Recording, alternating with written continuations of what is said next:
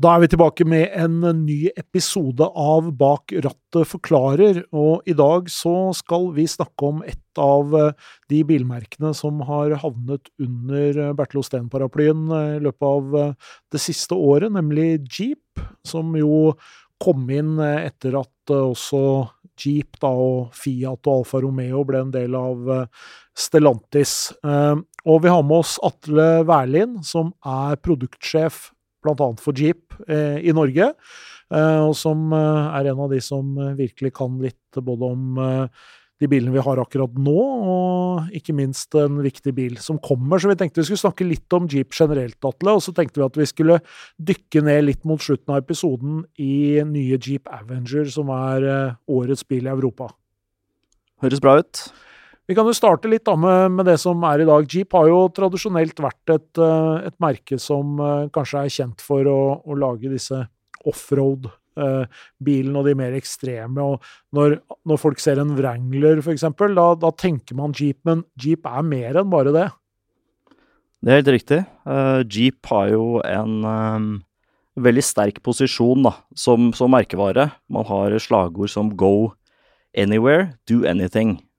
Så det er klart det ligger til grunn her i biler med god fremkommelighet. Og man har jo også mange biler fra andre merker som man har kallenavnet for Jeep. Ikke sant? Men det er bare én Jeep. There's only one Jeep. Uh, Jeep begynte jo med et slags uh, ja, terrengkjøretøy for uh, Forsvaret, men ble fort også sivile jeeper. Men de hadde også den første SUV-en før man tenkte på SUV. Ja, og det var? Willys Wagon fra 1946. Og det var da første stasjonsvogn med karosseri i stål. Så man har hele tiden vært litt innovative i Jeep, uh, rett og slett. Ja, for eh, det har jo vært sånn at uh, Jeep har lagd uh, biler både for, for, for, Forsvaret, det har man jo holdt på med hele tiden, og det har jo vært viktig som en del av den amerikanske, det amerikanske forsvaret. Men så, så, så kommer disse her sivile variantene, da, som er stasjonsvogner, og som er mer nesten litt sånn premiumbiler etter hvert. Og, og, og, mange i Norge har jo kanskje et forhold til biler som Cherokee og Grand Cherokee, for det, det var ganske stort en stund i Norge. Det er helt riktig. Det var også en benchmark for andre bilmerker, med Grand Cherokee. Uh, men man begynte også med Wagoneer. Det var første luksus-SUV med firehjulstrekk. Så kom Cherokee i 1973. Det var en såkalt sporty SUV. Og så Wrangler, som var veldig tro mot grunnkonseptet. Men så også Grand Cherokee, som er da en moderne SUV med nytt sikkerhetsutstyr, tre ulike firehjulstrekksystemer, veldig banebrytende. Den kom i 93. Ja, for uh, på Jeep så har det jo også vært sånn at uh, der har man jo hatt uh, ulike drivlinjer. Men det er klart dette med fremkommelighet, det har liksom vært en sånn nøkkel hele veien. Helt klart. Og det er jo det slagordet 'do anything, um, go anywhere'. Um, ordentlig firehjulstrekk. gjerne med lavserie. Så at man har en diff imellom og fordelingskasse. korte overheng på bilen, god bakkeklaring Legg merke til trapesformede hjulbuer på Jeep. Det er ikke en tilfeldighet. Det er rett og slett uh, funksjonelt. Bedre vandring på hjul, altså. Og uh, det er liksom uh, hele konseptet. Tar de videre på også nye modeller. Ja, for det ser vi jo på, på dagens Wrangler også, at det er jo en bil som særlig på på den mest ekstreme varianten. Da. Der kan du jo koble ut stabstag og, og sånt når du er ute og kjører i terrenget. og Da, da får du virkelig utnytta den plassen du har i hjulbudene. Helt klart. Eh, og det er jo da grunnkonseptet med, med ramme og stive aksler som eh, Wrangler fortsatt eh, har. Ingen andre biler på markedet som følger det, det prinsippet lenger. G-Wagon har uavhengig forstilling. Ford Bronco har det. Men man ser jo da at den oppskriften her er den som fungerer mest når eh, forholdene blir, eh, blir tøffe. Så er eh, som en standardbil, da, en Wrangler Rubicon fortsatt ganske overlegen. Og så har jo også Jeep gått i en sånn elektrifiseringsretning, og kanskje først og fremst med hybrider, da, som det har vært, som det har vært mye av der. Men der skiller jo også Jeep seg ut når det kommer til liksom, måten man gjør drivlinja. fordi det som jo har vært litt sånn standard for, eh, for uh, firehjulsdrevne hybrider, har jo gjerne vært at det bare har sittet noen, en elektromotor på, på bakaksjeren og gitt krafta der, mens på Jeeps har man gjort det på en annen måte. Ja, vi har um, selvfølgelig Wrangler, som er, er ikonet, og som er mest solgte i det segmentet i USA.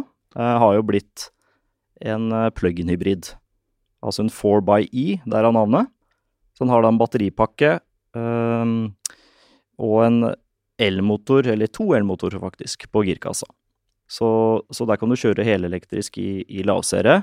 Så det er en skikkelig jeep. Og de sier jo også 'more jeep than ever'. Og det er klart, den har ikke rekkesekser eller V6-er eller V8-er, men har mer bånddrag fra bånd. Rett og slett med elmotor. Så det er noen fordeler. Også i terrenget med elektrisk drivlinje. Og denne nye uh, Grand Cherokee som kommer, den har også samme drivlinje, har den det? Den har lik drivlinje, men her har du også et selvbærende karosseri og luftfjæring, så det er helt annen komfort. Men enda bedre bakkeklaring, så her har du kjempegod score, altså. Den, uh, den Traillock-varianten skal klare Rubicon Trail uten problemer, den også. Ja, Rubicon Trail, hva er det for de som lurer på det? Det er en ikonisk eh, strekning, eh, altså Rubicon Trail, oppkalt etter noe fra, fra Cæsars tid som var litt ufremkommelig. Men det er også i California, og den, eh, det er på en måte en benchmark da, for disse mest eh, ekstreme jeepene, som også er standardbiler. Så der kjører man det, og det er en del sånn steinete partier der som er ganske krevende. Og der det hjelper å ha sperrer, blant annet. Men uh, nå er det jo sånn at uh, Jeep har beveget seg over i helelektriske biler også. og Jeg regner med jubelen sto ganske høyt i taket i Jeep-avdelingen da det ble årets bil i 2023? Definitivt. Um, altså uh, European Car of the Year, var jo ble jo kåra nå vinneren for 2023, ganske nylig, i Brussel. Og det var jo en del merker som det er skrevet litt mer om i norsk media enn Jeep Avenger, da. Så jeg hadde jo den som en sånn outsider. Eh, men han hadde noe spesielt eh, ved seg, og gikk jo, slo knockout på konkurrentene fra start. Det var en slags avstemning der som ligner litt om Eurovision, så det var jo ganske spennende å følge. Hva er det som gjør uh, Jeep Avenger til en annerledes elbil? Fordi at Det er vel ikke noe hemmelighet at som de fleste biler i Stellantis-konsernet, så, så, har de noen, de noen fellestrekk også. Men hva er det som gjør akkurat Avenger til, til noe annet enn en de andre modellene som finnes på, i det segmentet, kanskje, totalt sett? Godt spørsmål, Stein. Skal prøve å forklare litt, litt her.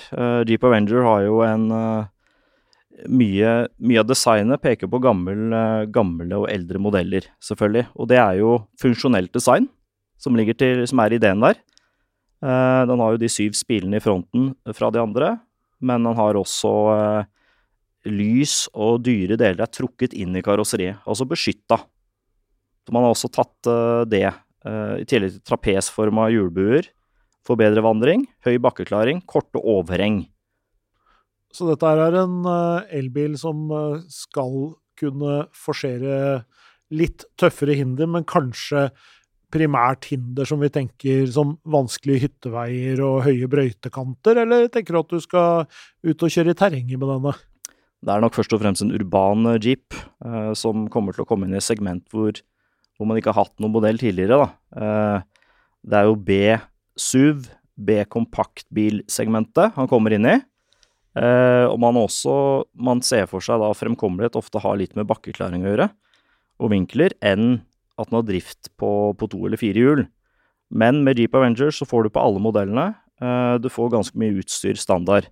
Blant annet Jeep Select Terrain-system, som har da tre utgaver, uh, tre innstillinger for forskjellig effekt, men også tre terrenginnstillinger, som er kalibrert av Jeep-ingeniører. Du har mud, snow og sand. Litt forskjellige egenskaper. I tillegg så har du hill descent-kontroll, som er meget uvanlig i det segmentet her. Ja, for hva er det for noe, egentlig? Det er ved bratt nedoverbakke, uh, som regel. Man bruker det um, i terrenget. Men se for deg da, at det er glatt vinterføre. Uh, det ene sporet er isete, eksempel. Uh, det er ikke spesielt lurt å trykke hardt på bremsen på automatgirdrevne biler der som har automatgir, uh, så dytter ofte bilen på. Den triller litt fra deg. Du har ikke den kontrollen som på manuelt gir. Eh, og da kan du altså trykke i Hill Descent kontroll, aktivere den, og få bilen til å holde farten nede. Du kan konsentrere deg om å styre. Ja, for da håndterer den både gass og brems for deg, og det eneste du gjør, er å bestemme hvor du skal. Helt riktig. Og det kan være en uh, litt sånn reddende funksjon, faktisk, her i, her i Norden. Uh, kanskje man ikke skjønner helt hva det betyr med ildescentkontroll, men det kan være veldig fint på vinterføre. Men en uh, liten elektrisk jeep, hvem tror dere er i målgruppa for å kjøpe en sånn bil? Veldig mange. Jeep tenker at det er veldig Kanskje 10 er en typisk Jeep-eier som er glad i firehjulstrekk og, og design og det, litt sånn frihetsfølelsen. Men eh, skal jo da tiltrekke seg kunder fra andre segmenter, da. Som kanskje har første elektriske bil, en bil nummer to, eller en bil som er stor nok for en liten familie. Det er en kompakt bil, men de har gjort en del eh, triks for å gjøre kupeen luftig nok, så den oppleves større enn den er, den bilen her. Og så er det jo det som jo er det viktigste for alle, høres det ut som om dagen, nemlig hva slags rekkevidde har en, eh, har en sånn bil? Ja, VLTP-rekkevidde er eh, drøyt 400 km til 390 eh, ca. Uh, det er litt avhengig av utstyr og, og, og felgstørrelse osv. Men det er da den nye motoren på den plattformen. 156 hester, 260 Newton og ja, varmepumpa er standard. Ombordlad på 11 kW. Um, masse praktiske løsninger. God oppvaringsplass innvendig. Den bilen her har mange USP-er annet enn at han har et veldig tøft design, så, så, så trigga han uh, mange, tror jeg, til å stemme på den, på den kåringa. For det var ikke noe åpenbar favoritt. Det var egentlig en outsider som, eh, som tok hele kaka til slutt. Veldig kult og morsomt. Uh, men uh, hvordan ser fremtiden til Jeep ut? Altså, er, den, er, den, elektrisk, eller er den sånn Eller er den blanda, eller er den fossil, eller kommer diesel tilbake? Hva, hva skjer egentlig? Jeep er veldig offensiv om dagen. Jeep Avenger er bare første egentlig ute av helelektriske. Det vi vet, er at um, det kommer en, uh, en Recon, dvs. Si en helelektrisk offroader. Men det kommer også en Wagoneer S, som er en annen en D-SUV, uh, litt sånn luksus premium D-SUV. Med god rekkevidde, firehjulstrekk, gode ytelser. Vi snakker 0 til 100 på 3,5 sekunder. Helt nytt i jeep-verden. Og man er, man er ganske ambisiøse. Man vil bli største aktør på elektrisk SUV i verden. Så jeg tror det bare er begynnelsen, egentlig. Så jeg er glad for å være med på, på den utviklingen her nå. Høres uh, veldig spennende ut. Uh, hvis det er noen av lytterne som uh, lurer på når de kan se denne bilen første gangen, når, når regner du med at det finnes biler i Norge, sånn cirka? Det er cirka til sommeren. Da kommer biler i showrom. Og vi skal også ha noe i vårt eget showrom. Men det blir, det blir til sommeren, rett og slett. Så for de av dere, da, så må dere ta dere en tur til eh, det studio som vi ofte bruker når vi spiller inn episoder av Bak rattet forklarer, nemlig showrommet til Bertil Osten i Bjørvika.